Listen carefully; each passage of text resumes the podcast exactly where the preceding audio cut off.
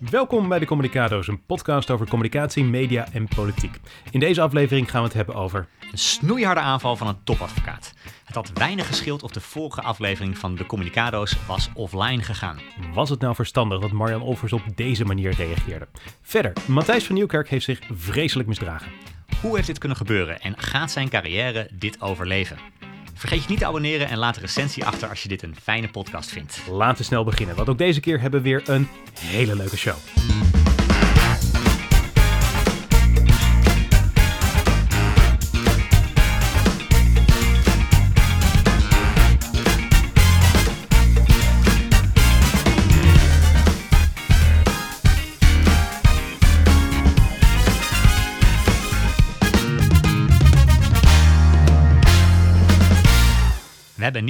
Oeh, dat klinkt spannend. Waarin we nieuwe luisteraars graag persoonlijk welkom heten, want deze podcast is er dankzij jullie.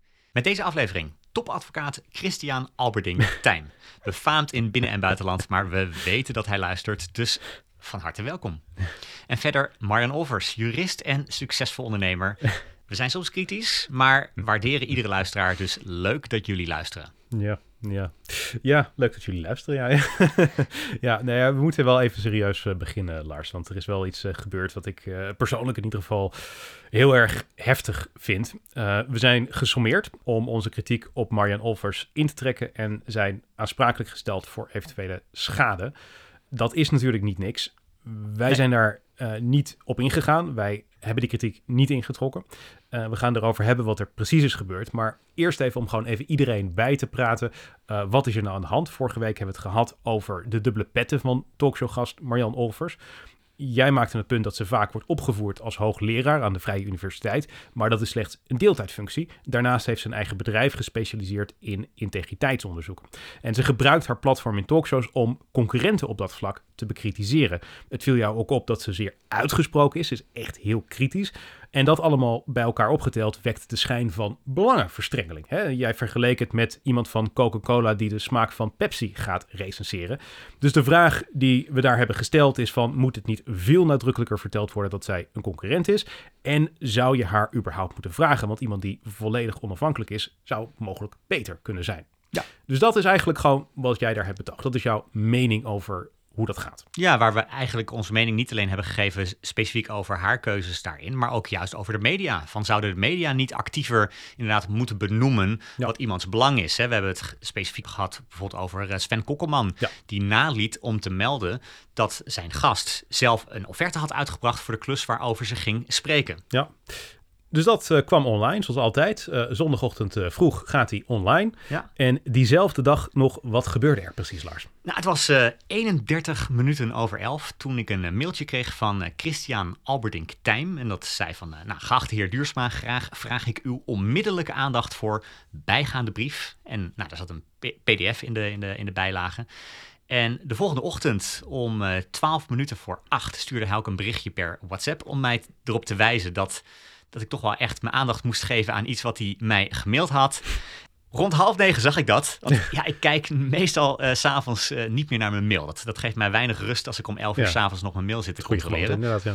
Dus ik zag het de volgende ochtend om half negen uh, zag ik het. En toen heb ik hem doorgestuurd naar jou. En 41 minuten over acht, ik heb het nog even opgezocht, belde ik jou. Ja.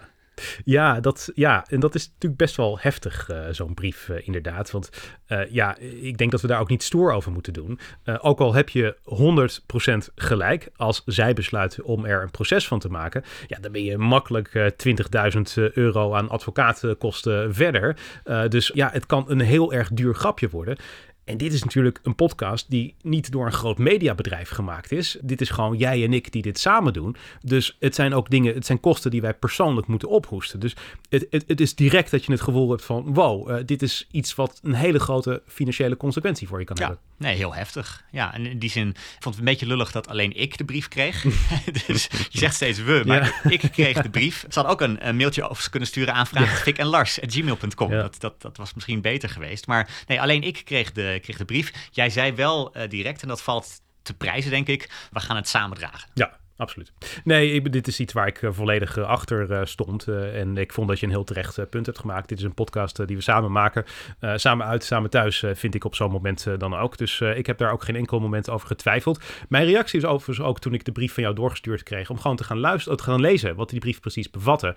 En een van de dingen die mij opviel... is dat hij niet verschrikkelijk sterk was inhoudelijk gezien. Want ik ga hem lezen met de vraag... staat hier iets in dat als we het van tevoren hadden geweten... we dingen anders hadden gedaan? En eigenlijk vond ik dat dat niet het geval was. Dus er werd op een gegeven moment gezegd, jij had gezegd, Marian Offers heeft wetenschap als bijbaantje. En dan staat er in de brief, nee, dat klopt absoluut niet, want ze is 0,6 FTE bezig met het hoogleraarschap. Ja, wacht eens even, dat is een bevestiging van het grotere punt dat jij maakte, dat uh, zij naast uh, hoogleraar ook vooral ondernemer is. En dat dat een heel belangrijk aspect van haar werkende leven is. Dus ik vond dat niet een goede weerlegging, ik vond dat een bevestiging van het punt eerder. Ja, of ook zelfs dat het 0,6% is of 0,6 FTE is. Dat zegt ook niks over waar de inkomsten uitkomen natuurlijk. hè? Dus iets kan best één of twee dagen per week iets zijn, maar dat kan wel een groter deel van je inkomen zijn. Dus ook daar zegt dat eigenlijk niks over. Ja, misschien moeten we ook gewoon eens even een kort uh, stukje uit uh, die brief uh, halen. En er moet wel even worden bijgezegd, het is echt een topadvocaat, Christian Alberding Tijm.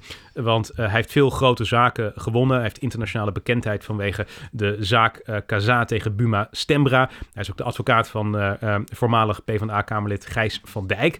het is iemand die zijn eigen Wikipedia-pagina heeft. En dat, is ook al, dat zegt ook al dat hij niet de advocaat om de hoek is, zeg maar. Nee, dat had ik niet direct gecontroleerd trouwens, of hij een Wikipedia-pagina heeft. Wat ik me wel afvroeg is van, jeetje, dit is, dit is best, uh, nou ja, dit, is waarschijnlijk wel tijd in uh, gestopt in deze, in deze brief. Het ja. was een brief met 14 punten, drie kantjes werd er, werd er ook uh, wel wat selectief geshopt in de podcast, dacht ik. Maar er stond wel, nou, ze hebben wel geluisterd naar de, naar de, naar de podcast. Een van de dingen die ik altijd controleer onhebbelijkheidje. Mm Dus dan kijk ik naar de documentinfo van uh, wat, wat kun je eigenlijk te weten komen over deze, deze PDF. Nou, het was mhm. versie 1.7. Mhm. Dus ik dacht van nou, dat is een paar keer heen en weer gegaan uh, in de loop van de, van de dag misschien ook wel. En hij is partner bij een, uh, bij een topkantoor. Nou, ja. Dan ben je 500 euro per uur bezig, toch? Ja, dat zal best zo zijn inderdaad, ja. En hoe lang, als we dat dan even doorrekenen, want 500 euro per uur. Hoeveel tijd denk jij dat hij bezig is geweest met deze brief schrijven en het contact dat jullie hadden daarna? Ja, kijk, ik vermoed, hè, maar dat weet je niet, hè? dus dat, dat hij niet zelf die hele brief heeft opgesteld, maar dat je dan zo'n advocaat-stagiair die brief laat mhm. opstellen, maar wel je eigen tarief rekent. Hè? Dus dat, dat, doen in ieder geval veel bureaus. Dat kan ik niet over hem persoonlijk zeggen, dus uh, stuur me er geen brief over. maar, um, heel netjes juridisch correct geformuleerd. Bij heel veel advocatenbureaus uh, maakt de partner heel veel uren, ook als die uren eigenlijk door iemand anders worden uitgevoerd. Maar het zou me niet verbazen als hij er al 10 uur in heeft zitten. Dat dus betekent dat, dat, 5000 euro. is al 5000 euro dus aan deze voor de duidelijkheid, dus Marjan Offers is boos. en vervolgens geeft ze 5000 euro uit aan een advocaat om die woede maar los uh, te vieren uh, op jou. Ja, ja. oké. Nou ja, goed. Wat, wat staat er in de brief? Um, pak ik even een aantal passages eruit. Want het, het was best heftig. Uh, dan ga ik even naar puntje 3. Uw verdachtmakingen zijn louter sensatiebelust en missen iedere feitelijke grondslag. Uh, ik dacht, ja, sensatiebelust, dat, dat viel misschien ook wel mee. Maar met uw beweringen doet u ernstige afbreuk aan de eer en goede naam van Olvers. Namens Olvers houd ik u hierbij aansprakelijk voor de door haar geleden en nog te lijden schade. Hm. Nou, dat, dat, is al intimiderend. Ja. als dat, eh, als dat uh, zo erin wordt gezet. Ga ik even naar het einde door. Daar, daar, stonden ook best wat stevige verwijten over ons ongefundeerde verwijten. Mag ik er misschien net toevoegen, beste Christian? Er staat bijvoorbeeld: In werkelijkheid bent u er louter op uit de reputatie van Olvers te beschadigen. Ja, oké. Ja.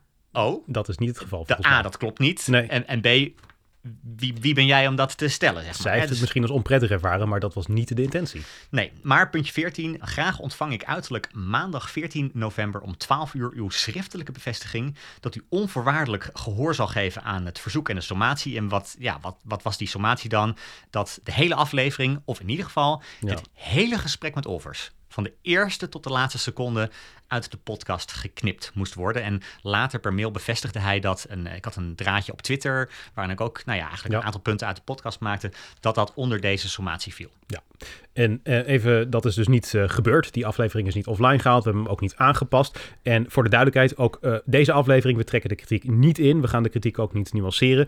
sterker nog, op basis van nieuwe informatie gaan we de kritiek zelfs ietsje uitbreiden. Dit is iets wat volgens ons gewoon geen hout snijdt. Maar laten we eerst even verder gaan naar de communicatie. Want dit stond dus in die brief. Ja. En vervolgens? Nou ja, hij, hij belde om elf over negen. Toen had ik jou dus al gesproken. Toen hebben we twaalf minuten aan de lijn gehangen. Hij belde vanuit de auto, was heel lastig te verstaan. Ja, dat, dat doen volgens mij misschien ook wel meer advocaten. Dat ze dan uh, reistijd bij een klant in rekening brengen. Maar ook tijdens die tijd dan met een klant uh, bellen. Dan kan je het dubbel, uh, dubbel declareren. Ja.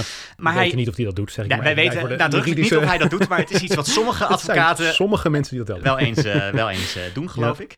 Maar nee, dat is, en het was satirisch bedoeld. Ja, ja, het was satirisch. Een hele goede. ja. Uh, maar het was in ieder geval lastig uh, te verstaan. Hij heeft 12 minuten gebeld. 12 keer 8,3 euro heb ik uh, uitgerekend. Okay. Dus, dus dat, dat is het, het, gesprek al geweest. En nou, daar, daar, daar stelde hij heel veel dingen van. U heeft iets onrechtmatig gedaan, zei hij ja. bijvoorbeeld.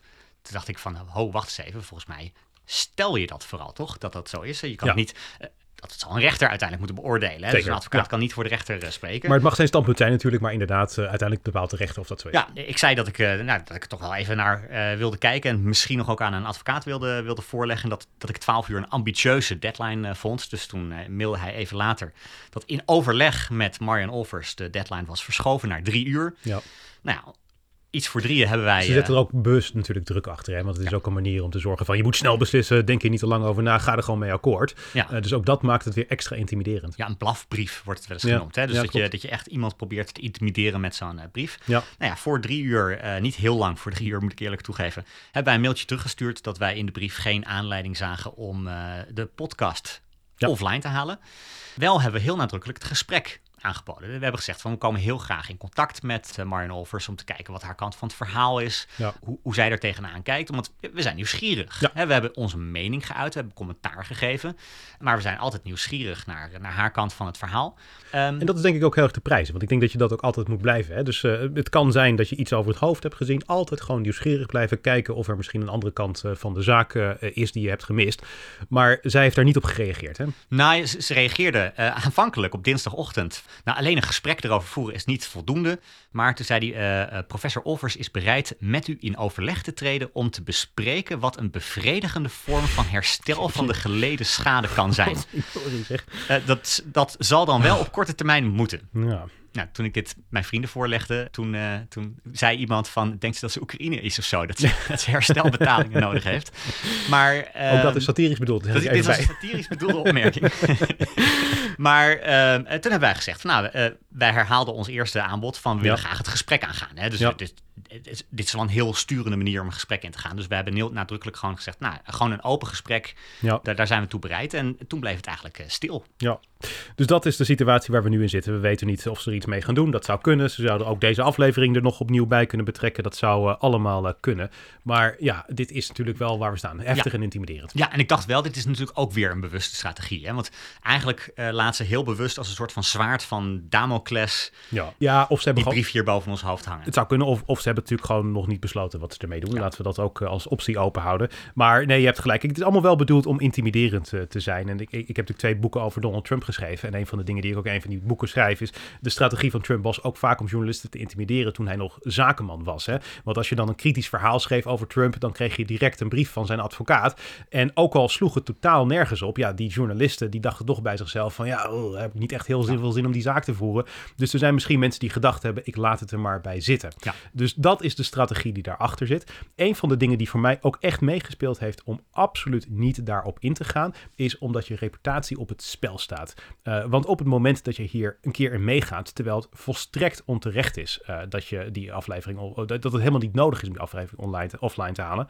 elke keer in het vervolg, als je dan kritiek uh, op iemand levert... kunnen ze gewoon even snel een advocaat inhuren... en een brief laten schrijven. Ja, je, ze weten al dat je door de pomp gaat... dus dat ga je in het vervolg ook altijd doen. Ja. Dus het zorgt ervoor dat je je reputatie kwijt bent... en dat je eigenlijk niet meer andere mensen kunt gaan bekritiseren... omdat ze weten hoe je ze eronder kunt krijgen. Dus het is gewoon heel simpel. Je kunt hier gewoon simpelweg niet mee akkoord gaan. En dat is dus ook wat we absoluut niet hebben gedaan. Ja, en want jij hebt wel gezegd, ik zit niet blij met de kritiek, maar dit is misschien niet noodzakelijkerwijs de slimste manier om erop te nee, reageren. Nee, kijk, als wij ik, gewoon als communicatie-experts kijken naar wat er nu gebeurt. Nee, absoluut niet. Kijk, ik, de vraag is, wanneer ga je nou naar de rechter? En dat is de vraag die hier eigenlijk voor ligt. Hè? Want als wij hadden gezegd in de podcast, Marian Olvers eet baby's op. Ze vindt het le lekker om van die babylichaampjes op te peuzelen. Ja, dat is natuurlijk verschrikkelijk kwetsend. Als we dat ongefundeerd zeggen, dan, uh, dan begrijp ik dat je daarvoor naar de rechter stapt. Omdat je daar je bijna niet tegen kunt verweren. Hoe ga jij bewijzen dat jij dat niet doet? Hè? Dat is heel erg moeilijk. Je kunt niet bewijzen dat je iets niet doet. Dus dat is kwetsend en het is moeilijk onderuit te halen. Dus dat zijn de meningen waarvoor je naar de rechter stapt om dat uh, buiten de orde te plaatsen. Maar wat jij hebt gedaan, is jij hebt gewoon beargumenteerd dat jij vindt dat zij de schijn van belangenverstrengeling wekt door de dubbele petten die ze op heeft. Ja. Dat is een mening en die mag je ook uiten. Zo werkt dat in een democratie. Zo werkt dat in een land waar vrijheid van meningsuiting een grondrecht is. En zeker als jij een prominent deelnemer bent aan het maatschappelijk debat, en dat is zij, dan kun je kritiek verwachten en dan moet je daarmee dealen. Hè? Dus je kunt het eventueel uh, negeren, je kunt het ook weerleggen, maar dan moet je niet die kritiek proberen te verbieden. Het feit dat zij aanschuift in talkshows en publiceert over dit onderwerp, dat eh, betekent dat zij vrijwillig deelneemt aan dat maatschappelijk debat, dan kun je ook kritiek verwachten. En het feit dat zij daar op deze heftige manier mee omgaat, vind ik weinig goeds over haar zeggen hoor. Onder integriteit, daar valt ook om omgangsvormen, hoe je met anderen en mhm. dus ook met critici omgaat. Ik vind dit niet een hele integere manier van handelen. Ik vind het eerlijk gezegd schandalig. Als dit de manier is waarop je omgaat met vrijheid van meningsuiting, sorry, maar dan heb ik weinig respect voor je. Ja, nou, wat ik, wat ik me vooral ook afvroeg, want ik, ik zat terug te denken aan al die media-optredens die ze heeft gehad. Hm. En heel vaak is een van de punten die ze eindeloos herhaalt, is dat bij uh, heel veel onderzoeken wordt te snel worden dingen gejuridiseerd. Ja. En wat je eigenlijk zou moeten doen voordat je dat juridiseert, is dat je even met elkaar rond de tafel moet gaan zitten van wat wil je nu eigenlijk, wat is je punt nu. Dat uit ze eigenlijk overal in elke talkshow. Dat is, dat is eigenlijk veel betere strategie. En kennelijk is dat een hele wijze les. Tenzij je zelf kritiek krijgt. Ja. Want dan moet je direct met een topadvocaat een, een, een, intimiderende brief sturen. Ja. ja, weet je, slimme mensen, en ik denk dat ze heel erg intelligent is, uh, dat blijkt wel uit alles wat ze heeft gedaan, die, die doen soms hele domme dingen. En ik denk dat dit daar ook echt onder valt. Ik denk dat dit ook publicitair een, echt een enorme blunder is geweest aan haar kant. Want eh, twee redenen daarvoor. Ik denk ten eerste dat je het veel groter maakt dan het anders was geweest. Ik heb veel mensen hierover gesproken deze week. En als ik dan begon over de dubbele petten van Marjan Olvers, dan was er beperkte interesse. Hm. Maar toen ik zei, ze heeft een advocaat op ons afgestuurd, was ineens, vertel me er alles over. echt alles, uh, alsjeblieft. Ja. Uh, dus je maakt het echt veel interessanter, dit verhaal. En ik denk de tweede reden uh, dat, dat, dit een publicitaire blunder is, is dat zij zichzelf hiermee echt voor paal zet. Hoor. Echt voor paal. Dit is zo'n disproportionele reactie. Het is totaal totaal over gereageerd. Uh, Kim Jong-un kijkt hierna en die zegt uh, tegen Marian Olvers... Uh, zelfs ik ga meer ontspannen met kritiek om. satire. satire, ja. satire. ja, laten we dat erbij zeggen, satire. nee, maar ja, ik, ik, moest een beetje denken van... stel dat iemand ruzie heeft met zijn partner... en je gooit al zijn kleren het raam uit. de hele voortuin ligt dan bezaaid met ondergoed, broeken en hemden. Het is gênant, omdat de hele buurt gewoon ziet... dat je je totaal hebt laten gaan. Het is echt een totale overreactie. Dat maakt het een beetje gênant. En ik denk als zij in het vervolg bij talkshows aanschuift... en ja, die redacteuren die zullen hier vermoedelijk ook wel over gehoord hebben over deze situatie. Die kijken je toch wel op een andere manier aan. Het is toch een beetje gênant voor haar. Dus ik zie het echt wel als een publicitaire blunder. Ja, inmiddels denk ik dat ze dat dan gaan denken. Hè? Want dat, als ze niks had gedaan, nee, precies, dan was totaal nee, overgewaaid. Ja, dat denk ik ook. Ja, ja. ja, ja. absoluut. Want het grappige was ook echt, het is niet eens het titelonderwerp geweest uh, van de podcast. Uh, dat was namelijk Sophie Hermans mist uh, gezag. Dus ik denk eerlijk gezegd dat veel minder mensen het hadden geweten dan als ze, als ze dit niet hadden gedaan. Ja, en wat ik ook wel eh, in die zin in de, of interessant vind, kijk, we hebben eigenlijk minstens zozeer kritiek geleverd op de media. Ja. Op Sven Kokkelman bijvoorbeeld, die terwijl twee dagen eerder naar buiten kwam dat zij zelf een offerte wilde uitdienen of indienen voor het ARIEP-onderzoek, haar gewoon aankondigde als onafhankelijk deskundige. Ja. Dan denk ik, van, ja, ook Sven Kokkelman had misschien boos kunnen zijn op ons dat wij hem hier bekritiseerden. Op één had boos kunnen zijn op het feit dat wij kritiek uh, uiten. Wij hebben ook geen brief gekregen van op één, waarin ze ons sommeren om onmiddellijk te stoppen met de kritiek van uh, op, op nee. één. Uh, en even voor de duidelijkheid, uh, ik heb wel even met uh, Bert Huisjes, die de basis over de WNL-uitzendingen van op één, ik heb hem even geappt en hij, was niet, hij wilde niet reageren uiteindelijk daarop. Maar ja, ze zijn zich wel bewust in ieder geval van de kritiek die jij hebt verwoord. zullen we tot slot gewoon eens even wat concrete aanbevelingen doen voor media die een expert willen spreken over integriteitsonderzoeken? Want volgens mij is het wel goed om het even gewoon praktisch af te sluiten. Ja. vind jij dat zij Marian Olvers nog kunnen vragen? Ja, absoluut. Want ik denk dat zij vaak zinvolle dingen zegt in de media. En dat, dat is eigenlijk ook iets wat we echt benadrukt hebben. Zij is een goede talkshowgast. Ja. Zij weet vaak interessante dingen te zeggen, interessante analyses te geven. En over heel veel dingen kan je haar vragen. Hè? Dus uh, deze week was ze in het nieuws over uh, een uh, onderzoek over gokverslaving onder jongeren. Ja. Kan ze zinvolle dingen over zeggen. Zij is op heel veel gebieden, sport en recht, is zij ook echt een expert. Vraag haar, nodig haar uit. Mediaforum kan ze over heel veel dingen meepraten. En ik denk dat dat goed is. Ik denk wel dat mijn mening hier de afgelopen week een beetje is veranderd. Want Mhm. ik dacht eerst, dat was mijn kritiek eigenlijk vorige week, zouden ze niet wat voorzichtiger kunnen zijn met een mediaoptreden specifiek over het ARIEP-onderzoek? Ja, Want nou ja, het ARIEP-onderzoek heeft ze zelf een offerte voor ingediend. ja, Ik ben daar inmiddels wel wat van mening veranderd. Ik denk eigenlijk dat ze bij meer optredens toch even zou moeten afvragen van ben ik wel de beste persoon om daar commentaar op te leveren. ja, Um, een van de dingen die ik bijvoorbeeld googelde van haar advocaat en zij, hoe zouden die elkaar kennen? En het eerste Ja. wat ik vond was het onderzoek naar eh, Gijs van Dijk. Want Christian Alberdink Tijm, dat is de advocaat van Gijs van Dijk. hm, Op interessant. een gegeven moment was er een eh, primeur van, eh, van Joost Vullings bij Eén Vandaag. Vandaag. En die kwam naar buiten dat twee prominente deskundigen heel veel kritiek hadden op het onderzoek wat Bezemer en Schubat heeft gedaan. Ja, En één van die twee was Marjan Olvers. ja, En dan denk ik, zij werd daar aangekondigd als hoogleraar. Ze heeft echt ook wel kritiek geleverd op dat onderzoek daar. Dat onderzoek is gedaan door Bezemer en Schubat. ja, En ook dat is natuurlijk wel een concurrent van Verinorm. Misschien wel de belangrijkste concurrent van Verinorm. Ik weet niet precies hoe het speelveld daar zit, maar ze begeven zich echt wel in, dezelfde, in, in, in hetzelfde gebied. Ook daar zou ik me kunnen afvragen van, maar wacht eens even. Zelfs als je niet zelf een offerte hebt uitgebracht, ja, maar het onderzoek wel door een concurrent wordt uitgevoerd, ja. ja, dan kun je afvragen of je daar in de media dan wel wat over moet zeggen. Dat is wel lastig inderdaad, ja. En we hadden het ook deze week over een interview wat zij had gegeven aan BN De Stem. Een interview dat is eh, gegeven aan Jan eh, Hoedeman. Ja. En dat was ook wel een interessant interview. Ja, want zij betwist eigenlijk dat de, of ze vraagt zich in ieder geval af of het ARIEP-onderzoek volgens de juiste aanbestedingsregels is verlopen. Eh, nou ja, als dat niet is gebeurd, dan moet het misschien wel opnieuw gegund worden. Ja, Misschien maakt ze dan opnieuw kans, dat weet ik niet. Maar wat zij daar zegt in dat, eh, in dat, eh, in dat interview is, ehm, en dan lees ik even voor. Ook is Olvers verrast door het feit dat het bedrijfsrecherchebureau Hofman de opdracht kreeg. En haar quote is: Het ligt niet voor de hand dit bureau het te laten doen vanwege de complexiteit van het onderzoek. ja, Dan zegt ze dus eigenlijk over haar concurrent Hofman: Jullie zijn ongeschikt voor complexe onderzoeken. ja. Dat is echt heel, ja, het is heel erg lastig. En het punt is een beetje, het zou waar kunnen zijn. Jij Ja. hebt geen mening volgens mij over de inhoud van, van die uitspraak. Ik ken Hofman helemaal niet Nee. goed. Misschien klopt dit. Misschien klopt het inderdaad, dat weten we niet. Maar je zou wel willen dat zo'n uitspraak wordt gedaan door iemand die echt onafhankelijk is. Want ja, ik begrijp wel dat als je een concurrent bent, dat je dan wel meer geneigd bent om zo'n uitspraak te doen. Ja, en dan kan je ook hier afvragen van, kijk, hier wordt ze dan wel genoemd specifiek met Verinorm, haar bedrijf. Ja, En toch blijft het dan iets geks houden als ze dan 's ochtends namens Verinorm zegt dat Hofman dus niet in staat is om complexe onderzoeken te doen. ja, En dan bijvoorbeeld s'avonds bij een talkshow zou aanschuiven, petje op, petje af. Ja. Nu petje hoogleraar. En dan andere uitspraken zou doen over dat onderzoek. Dan denk ik van ja, ja, dat, ja dat wekt echt de schijn van het- ja, belangenverstrengeling. ik blijf ja. wel bij mijn punt dat dat wekt Nou de ja, schijn op je- van belangenverstrengeling. Je breidt het volgens mij nog ietsje uit inderdaad, om heel precies te zijn. Maar inderdaad, maar goed, even de samenvatting. Ze kunnen Marian Olvers absoluut vragen voor dingen die niet gerelateerd zijn aan integriteitsonderzoeken. Maar jouw aanbeveling zou heel duidelijk zijn op het moment dat ze daarover spreekt. Dat is niet zo zuiver om haar daarover te vragen. Nee, ik zou dat, ik zou dat eh, doen. En dat kan ze natuurlijk ook zelf zich afvragen. Hè? Dus ik denk dat zeker. daar een verantwoordelijkheid ligt bij zowel de media als bij haarzelf. En misschien ook wel de, de primaire verantwoordelijkheid natuurlijk. Hè? Want jij moet wel zelf kiezen of je daarvoor in wil eh, nou ja, jij en zo'n ik worden heel vaak voor mediaoptredens gevraagd. Ik zou zelf nee zeggen eh, als, als ik commentaar moet leveren op een directe concurrent. Ja. Dan denk ik van ja, Ja, ik heb er wel een mening over.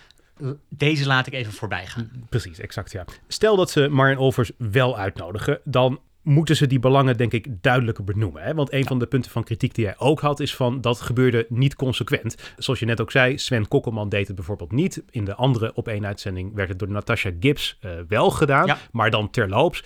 Dit zou veel duidelijker moeten Ja, zijn. en Joost Vullings deed het ook niet natuurlijk in het eh, onderzoek. Die benoemde niet dat zij met Verinorm wel een, een, een- concurrent is van Bezemer en Schubat. Dus ik denk dat je daar wel echt dat moet benoemen. Voor een deel is dat misschien ook op te lossen door mensen hun bedrijfsnaam Ja. onder hun naam te zetten. En Ja, dat- media doen dat liever niet inderdaad. Hè? Want ze zeggen liever dit is iemand die gewoon een eh, integriteitsdeskundige is bijvoorbeeld. Ja. Dan dat ze zeggen van dit is de directeur van Verinorm. Want eh, dan komt het commercieel over. En behalve dat voor de kijker is het vaak duidelijker als je gewoon zegt integriteitsdeskundige of Ja, zoiets. en dat, dat was wel een punt. Ik vond het terecht punt. Een van onze luisteraars, eh, we hebben hem niet persoonlijk welkom geheten, want hij luistert al heel lang. Ronald Prins, die, die is de oprichter van Fox IT, Ja. nu inmiddels ook Hunt en Hackett. Hij is echt misschien wel de belangrijkste cyberdeskundige in Nederland. Ja. En hij zei ook tegen mij van, ja kijk, elke keer als ik ergens aanschuif, dan vraag ik media van, kunnen jullie directeur Hunt en Hackett onder Ja. mijn naam zetten. Ja. Dat doen ze niet. Nee. Want media willen gewoon liever zeggen cyberdeskundigen. Ja. En ja, kijk, daar kun je ook echt afvragen of media daar niet een rol hebben om ja, echt je bedrijfsnaam in de titel te zetten. Want dan is Ja. het duidelijker dat je in ieder geval ook een bedrijf hebt. Ja, en ik, ik zou zeggen, ik kan me soms voorstellen dat je dat niet doet hoor. Want ik vind ook cyberdeskundigen hier veel duidelijker. Maar het is vooral wanneer er belangen spelen, zoals in het geval van eh, Marian Olvers. Dan moet je dat wel echt duidelijk. Dan heb je liever dat ze wordt geïnterviewd als de directeur van Verinorm. dan als zomaar een hoogleraar sport en recht bijvoorbeeld. Of doe het beide. Directeur, verinorm en integriteitsdeskundige. Ja. Of ja, deskundige op het gebied van grensoverschrijdend gedrag. Ja, zoiets inderdaad. Ja. Ja. Ja. Maar oké, dat lijkt me een hele zinvolle aanbeveling inderdaad. Ja. Eh, twee eh, hele concrete aanbevelingen aan de media om beter om te gaan met dit soort eh, dingen. Ik denk in ieder geval dat het goed is om deze discussie hier aan te gaan. Dus blij dat we dat hier hebben kunnen doen. Ja. ja. Zullen we doorgaan naar het volgende blokje? Lijkt me goed. Want er is nog meer gebeurd eh, dit eh, weekend. Matthijs van Nieuwkerk, de gevierde presentator van De Wereld Draait Door. 15 jaar lang heeft hij dat programma met ontzettend veel succes gepresenteerd. Maar afgelopen vrijdag, rond de klok van half negen s'avonds, kwam er een lang verwacht artikel over het grensoverschrijdende gedrag. wat hij heeft vertoond in de tijd dat hij presentator was bij De Wereld Door. Ja, ik denk dat er weinig artikelen zijn waar zo erg naar uit werd gekeken. Want al maandenlang ging het over dit artikel waarvan mensen wisten dat het eraan zat te komen. Eigenlijk al vijf maanden lang, geloof ik, gonst het van de geruchten dat Volkskrant gaat komen met een artikel over Matthijs van Nieuwkerk. Klopt, ja. Ja, en eh, Jan Dijkgraaf eh, in zijn eh, column op zijn website somde op wat er in het verleden al in het nieuws is geweest. En dat is al heel wat. We wisten al echt wat over het wangedrag van Matthijs van Nieuwkerk. En dat tempert ook ergens de verwachtingen. Het is moeilijk om daar overheen te komen. Maar ik moet je zeggen, ik denk toch dat het echt veel erger is dan verwacht hoor, deze, eh, artikel. Eh, het was heel erg uitgebreid. 10.000 woorden, meer dan dat, die de Volkskrant eh, ervoor heeft uitgetrokken. En eh, ze hebben meer dan 70 m- oud-medewerkers gesproken van het programma. Dus het is een heel grondig onderzoek geweest. Ja, ja, ik schrok er ook van. Mijn eerste reactie was daardoor wel, denk ik, van... Oei, het was niet zo erg als ik verwacht had eigenlijk. Maar wat mij heel erg trof is de, juist de omgeving die er heel weinig aan gedaan heeft. En Ja. ik, daar, daar, daar schrok ik het meest van. Dat, dat echt niemand hier wat aan gedaan heeft. En dat het eigenlijk in de loop van de tijd steeds erger werd. En Ja. misschien wel ook erger werd doordat niemand er wat aan gedaan heeft. Wat even voor de helderheid, voor de mensen die het artikel niet hebben gelezen. Eh, er staat eigenlijk in dat eh, Matthijs van Nieuwkerk zich jarenlang als een tiran heeft eh, gedragen. Er worden in het artikel voorbeelden gegeven van extreme woedeuitbarstingen, publieke vernederingen van redacteuren, visagisten, geluidsmensen. Tientallen werknemers zijn daardoor ziek uitgevallen en het gedrag werd erger naarmate het succes van DWD groter werd.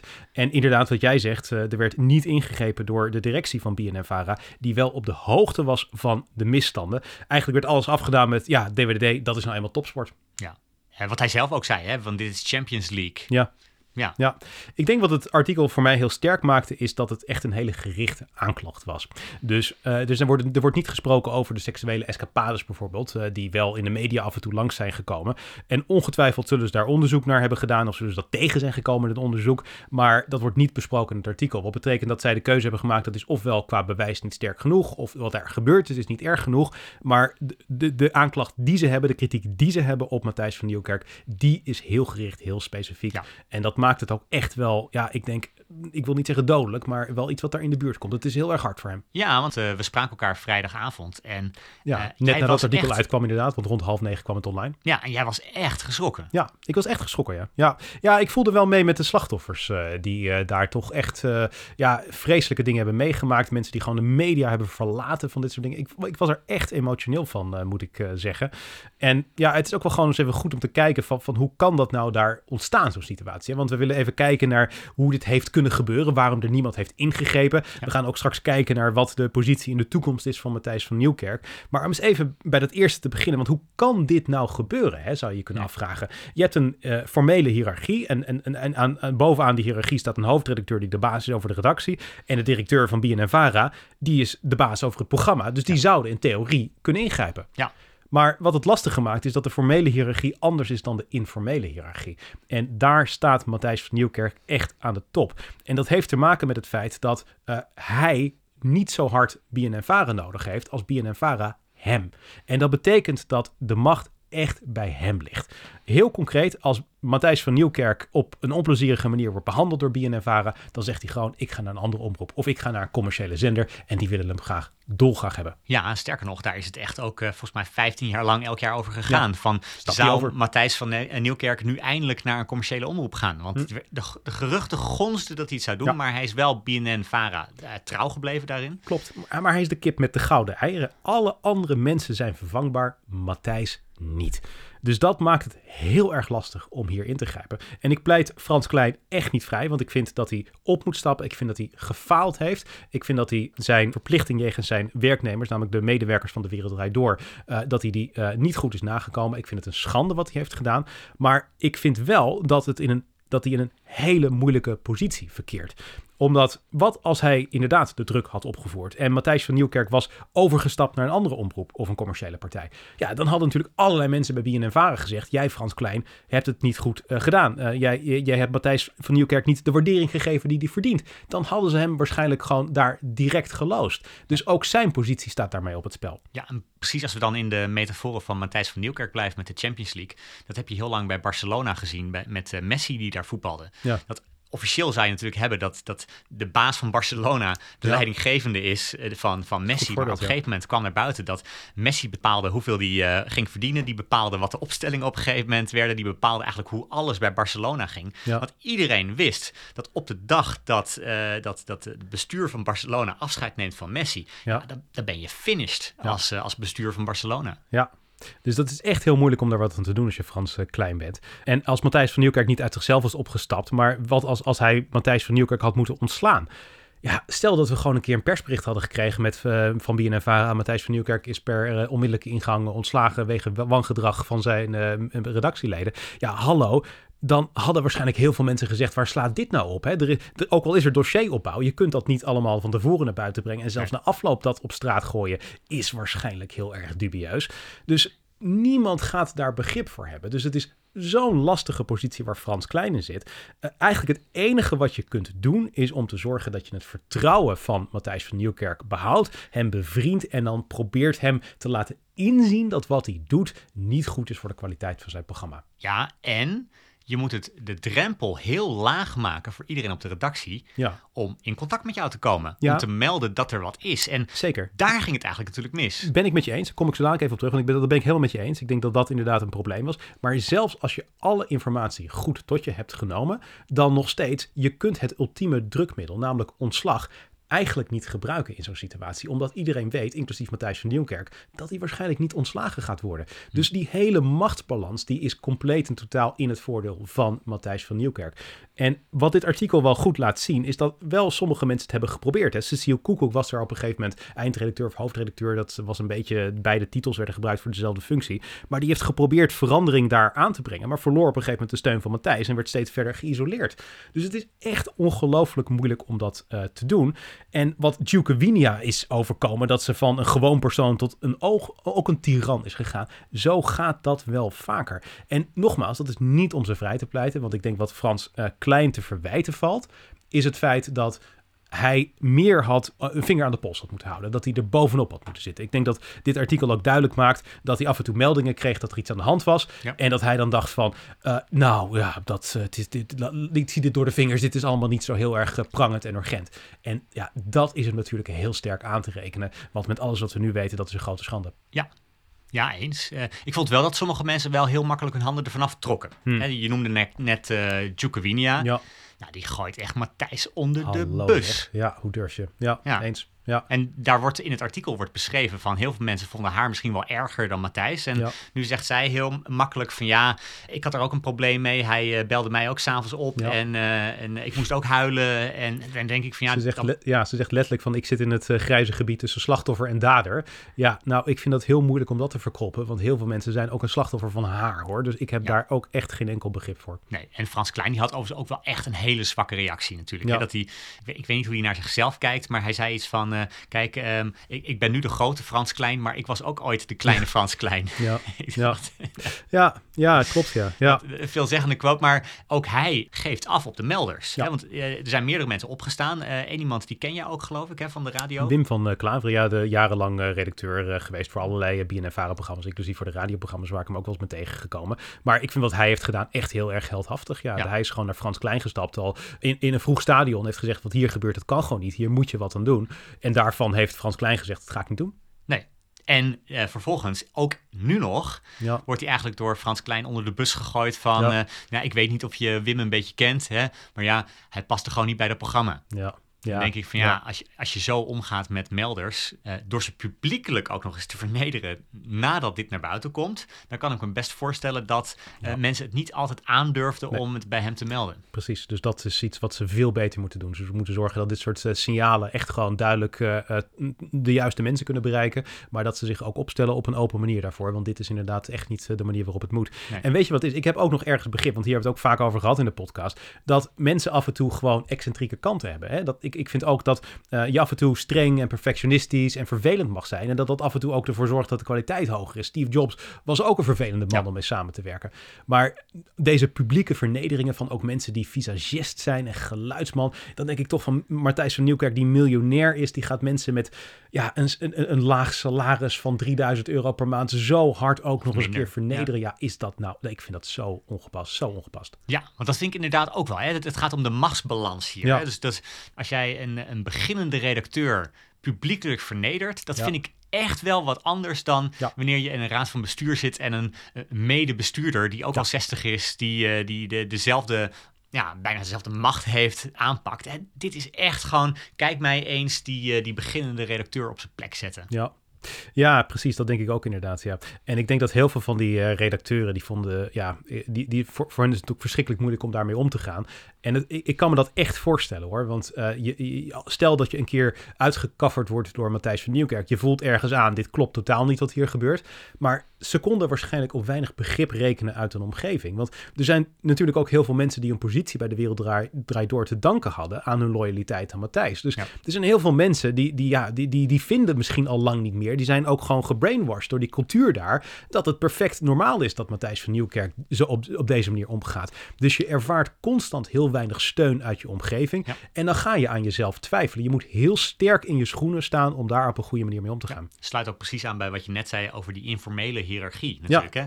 Dat als jij, als die informele hiërarchie heel sterk is, dan word je op een gegeven moment loyaler aan Matthijs van Nieuwkerk ja. dan aan het programma, aan uh, BNN-Vara, aan de publieke omroep. Want ja. ja, je wordt loyaal aan degene die uiteindelijk bepaalt of je leuke items mag doen of je überhaupt er straks nog mag werken. Daar gaat jouw lo loyaliteit naartoe. Ja, en daarom is het extra te prijzen wat uh, Janine Abbering, die uh, verslaggever Jakhals eigenlijk was uh, ja. bij dat programma, die is publiekelijk in de e-mailgroep vernederd. En zij heeft vervolgens de volgende dag een mailtje gestuurd. Nou, als het zo moet, dan zoek het maar uit. Ik neem ontslag.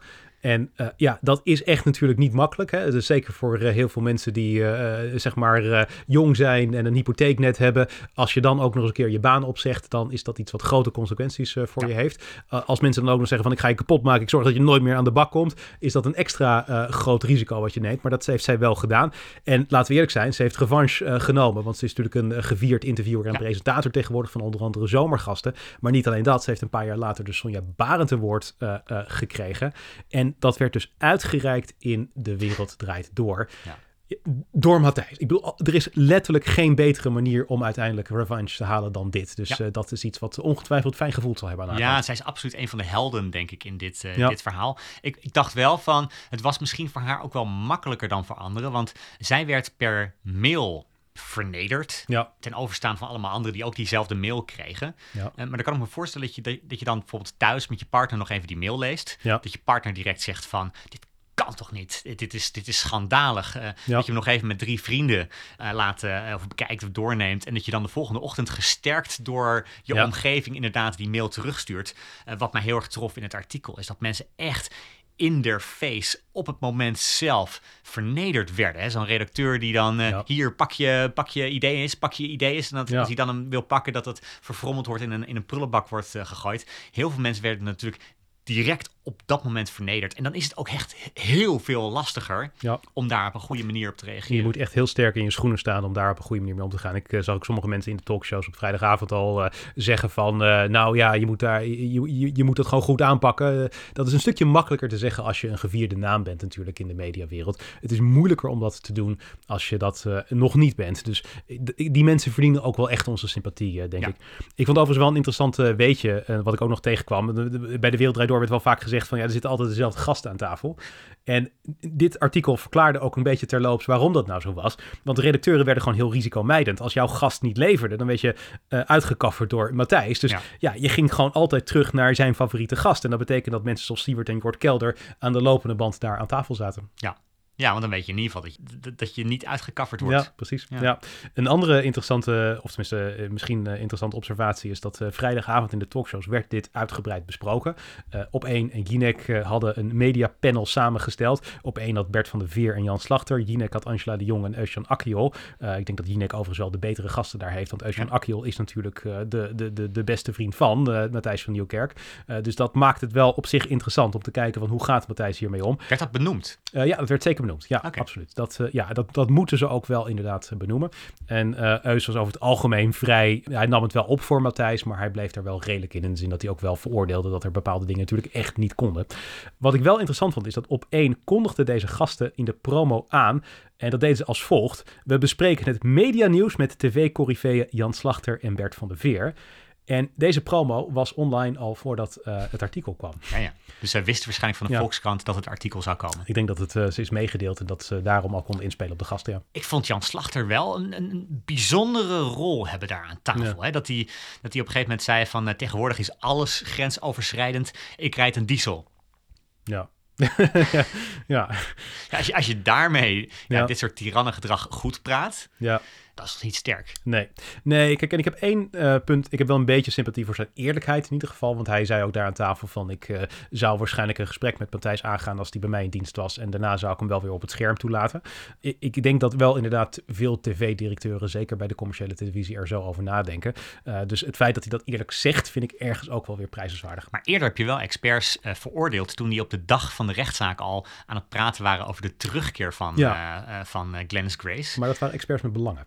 Hmm. Dus Jan Slachter is wel echt een analist. In de zin dat hij niet eh, haar, of hij in dit geval eh, eh, Matthijs in dienst heeft. Als het eh, vrienden zijn van Glennis Grace die op de dag van, de, van het proces al gaan speculeren. Dan denk ik wel van het kamp Glennis Grace moet even gewoon zich gedijst houden. Ja, en toch even als eh, advocaat van de duivel, want Mhm. we vinden het beide heel erg, heel erg wat, hier, eh, wat Ja. hier gebeurd is. En toch denk ik, het is wel van een andere orde dan bijvoorbeeld The Voice. Er Ja. zijn geen aangiften, er is geen seksueel grensoverschrijdend gedrag. Ja. Misschien lijkt dit meer op wat er bij My Spijkers is eh, gebeurd met, eh, met Prometheus, wat ook via de Volkskrant naar, naar buiten kwam. Ik, er was wel een moment dat ik me afvroeg van... Is dit nou zulk groot nieuws omdat het zo erg is, of omdat Matthijs van Nieuwkerk zo ongelooflijk bekend is? Ja. En ik denk dat dat wel een rol speelt, want dit is Ja, absoluut echt heel erg. Ik denk in de mediadynamiek. Ehm, ik denk wel dat het belangrijk is, want heel vaak wordt al het grensoverschrijdende gedrag op één hoop gegooid. Hè? Dus Ja. je moet hier toch wel een, een, een, ja, een, een soort van hiërarchie in blijven aanbrengen. Ja. Van eh, dit is super erg en ik vraag me af of hij door kan. Ja. Ik denk wel dat het, je moet het niet eh, zeggen van dit is de nieuwe The Voice. Nee. Want dat is echt van een andere Dat orde. denk ik ook niet. Nee, nee, dat perspectief moeten we zeker houden. En ik denk ook van, er zaten aan 15 jaar in DWDD ook hele goede kanten. Er zullen ook heel veel redacteuren zijn die daar fijne tijden hebben beleefd. Er zijn heel veel kijkers zijn die mooie herinneringen hebben aan dat programma.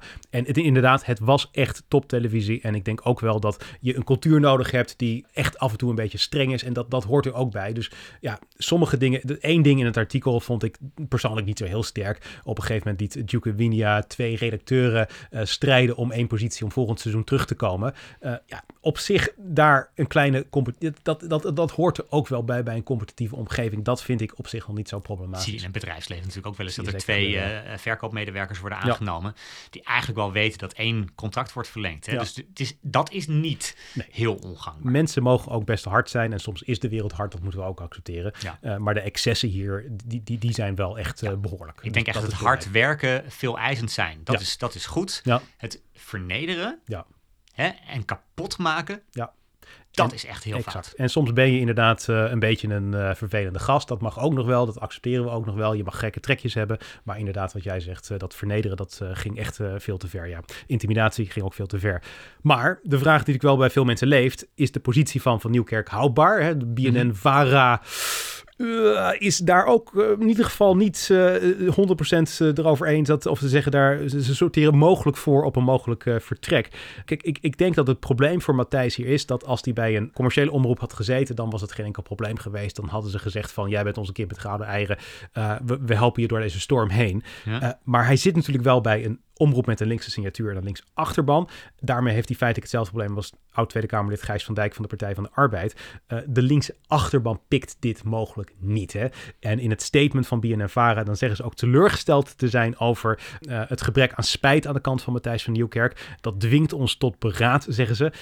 Ja, dat klinkt niet heel erg Nee. positief. Dus dat zou mogelijk een einde van zijn carrière bij die omroep kunnen Maar betekenen. wat is hij dan ook echt een domme lul? Nog los van wat hij dus heeft gedaan als presentator. Hè?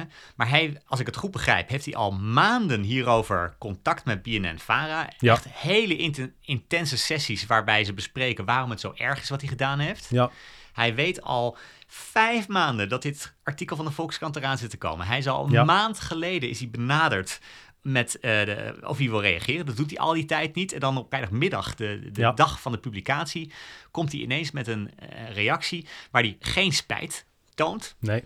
En ook niks zegt over de medewerkers die dus eh, ziek thuis zitten of eh, op andere Nee. manier echt kapot gemaakt zijn. Ja, Dan denk ik, oh man, ja. praat even met iemand over hoe je hier een, een, een goede reactie eh, geeft. Want eigenlijk heeft hij het volgens mij vooral ook met die reactie op die vrijdagmiddag echt ontzettend lastig gemaakt. Ja, het enige wat ik daar tegenin zou brengen is, je wil dat hij eerlijk is en dat hij zegt wat hij meent. En soms hebben uh, uh, communicatieadviseurs de neiging om mensen te helpen om beter te liegen.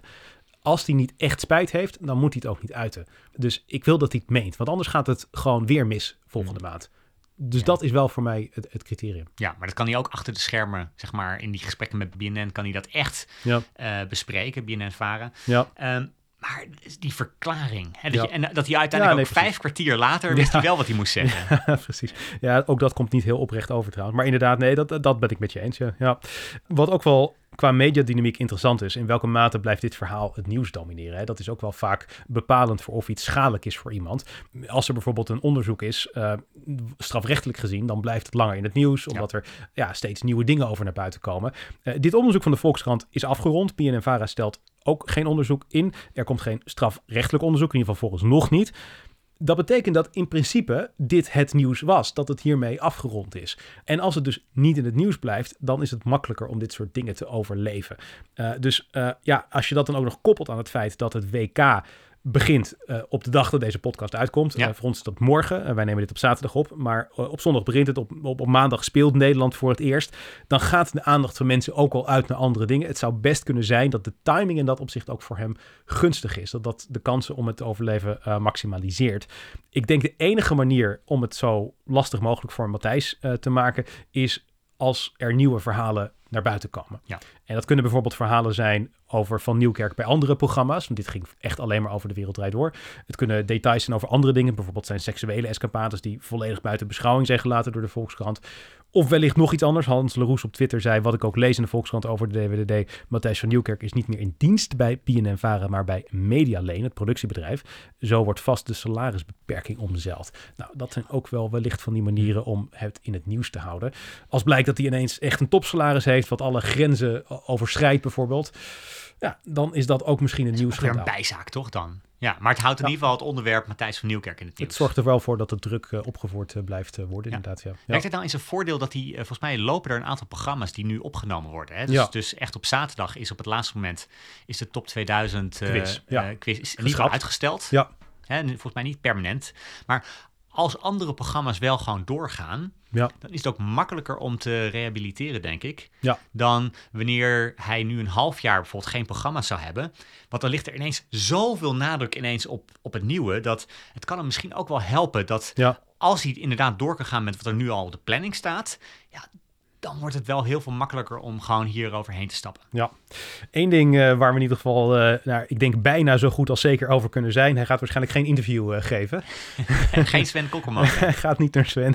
Nee, daar was hij in het verleden ook al terughoudend mee. De, sterker nog, hij gaf eigenlijk voornamelijk interviews per e-mail. Dat, omdat hij echt nou ja, wilde nadenken over de antwoorden. En dat hij niet wilde, gepakt wilde worden op een verkeerde formulering. Nou ja, goed, dat, ja, dat kan. Dus, maar goed, ik verwacht niet dat we dat gaan zien. Ik hoop ook wel, trouwens, misschien als laatste, mhm. dat uh, hij werd steeds geïsoleerder. Ja. Dat blijkt uit het interview, dat zien we ook, of het uh, artikel in de Volkskrant, dat zien we op heel veel andere manieren. Ik hoop wel dat er nu mensen opstaan in zijn omgeving ja. die naar hem omkijken. Want we moeten het vooral over de slachtoffers hebben. Maar dit raakt hem natuurlijk ook wel echt enorm. Dus ik hoop ook wel dat hij, dat hij in zijn omgeving steun krijgt. Ja, beetje compassie ook daarvoor. Dat uh, mag er zeker zijn. Ja, absoluut. Ja. ja.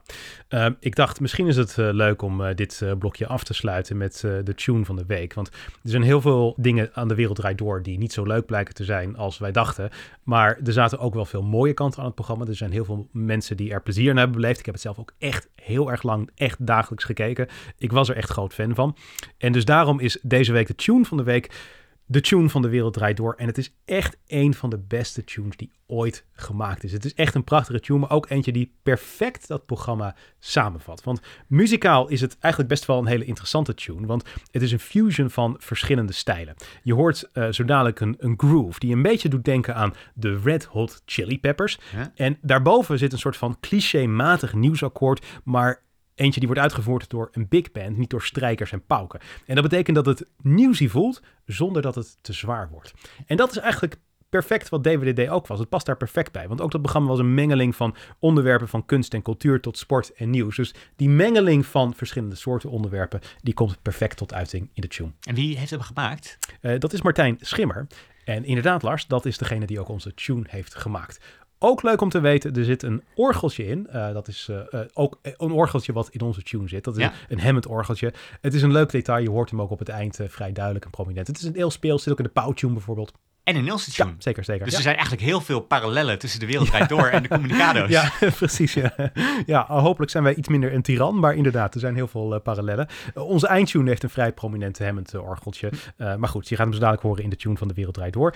En ja, DVD begon natuurlijk altijd met een cold open waarin Matthijs van Nieuwkerk de gasten in razend tempo opzonde. Ik dacht, het is wel zo passend als ik gewoon ook even op die manier de tune inleid. Kom maar door. Ook Heel snel praten dan, hè? Ja, Siewert van Linden, Hugo Borst, Jort Kelder, Alexander Klubbing. Dit is De Wereld Draait Door.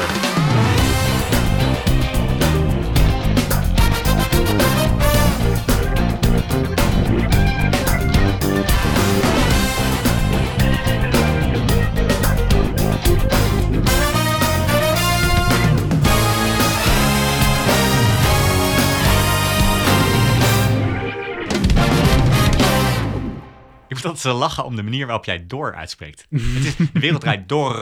Het, zo spreekt hij hem uit, met die rollende R. En jij, jij zegt, uh, ja, je hebt de Gooise, de wereld draait door. Ja, ja de wereld draait door. Ik vind het heel gek. Oké. Dat is dus de tune. Mooi tune, toch? Absoluut. Ja. Ja.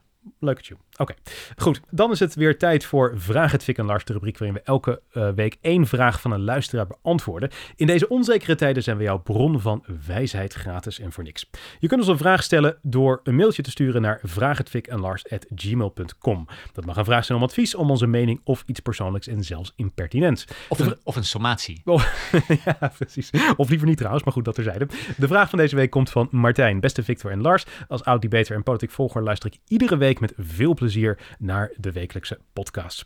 Ik heb een impertinente vraag. Oh, uh, ik ga niks over mijn seksleven zeggen. het valt me op dat jullie geen reclame hebben. Ja. Gebruiken jullie de podcast om meer commerciële klussen binnen te halen? Lukt dat ook, Lars met die Beatrix en Victor met vlammende communicatie?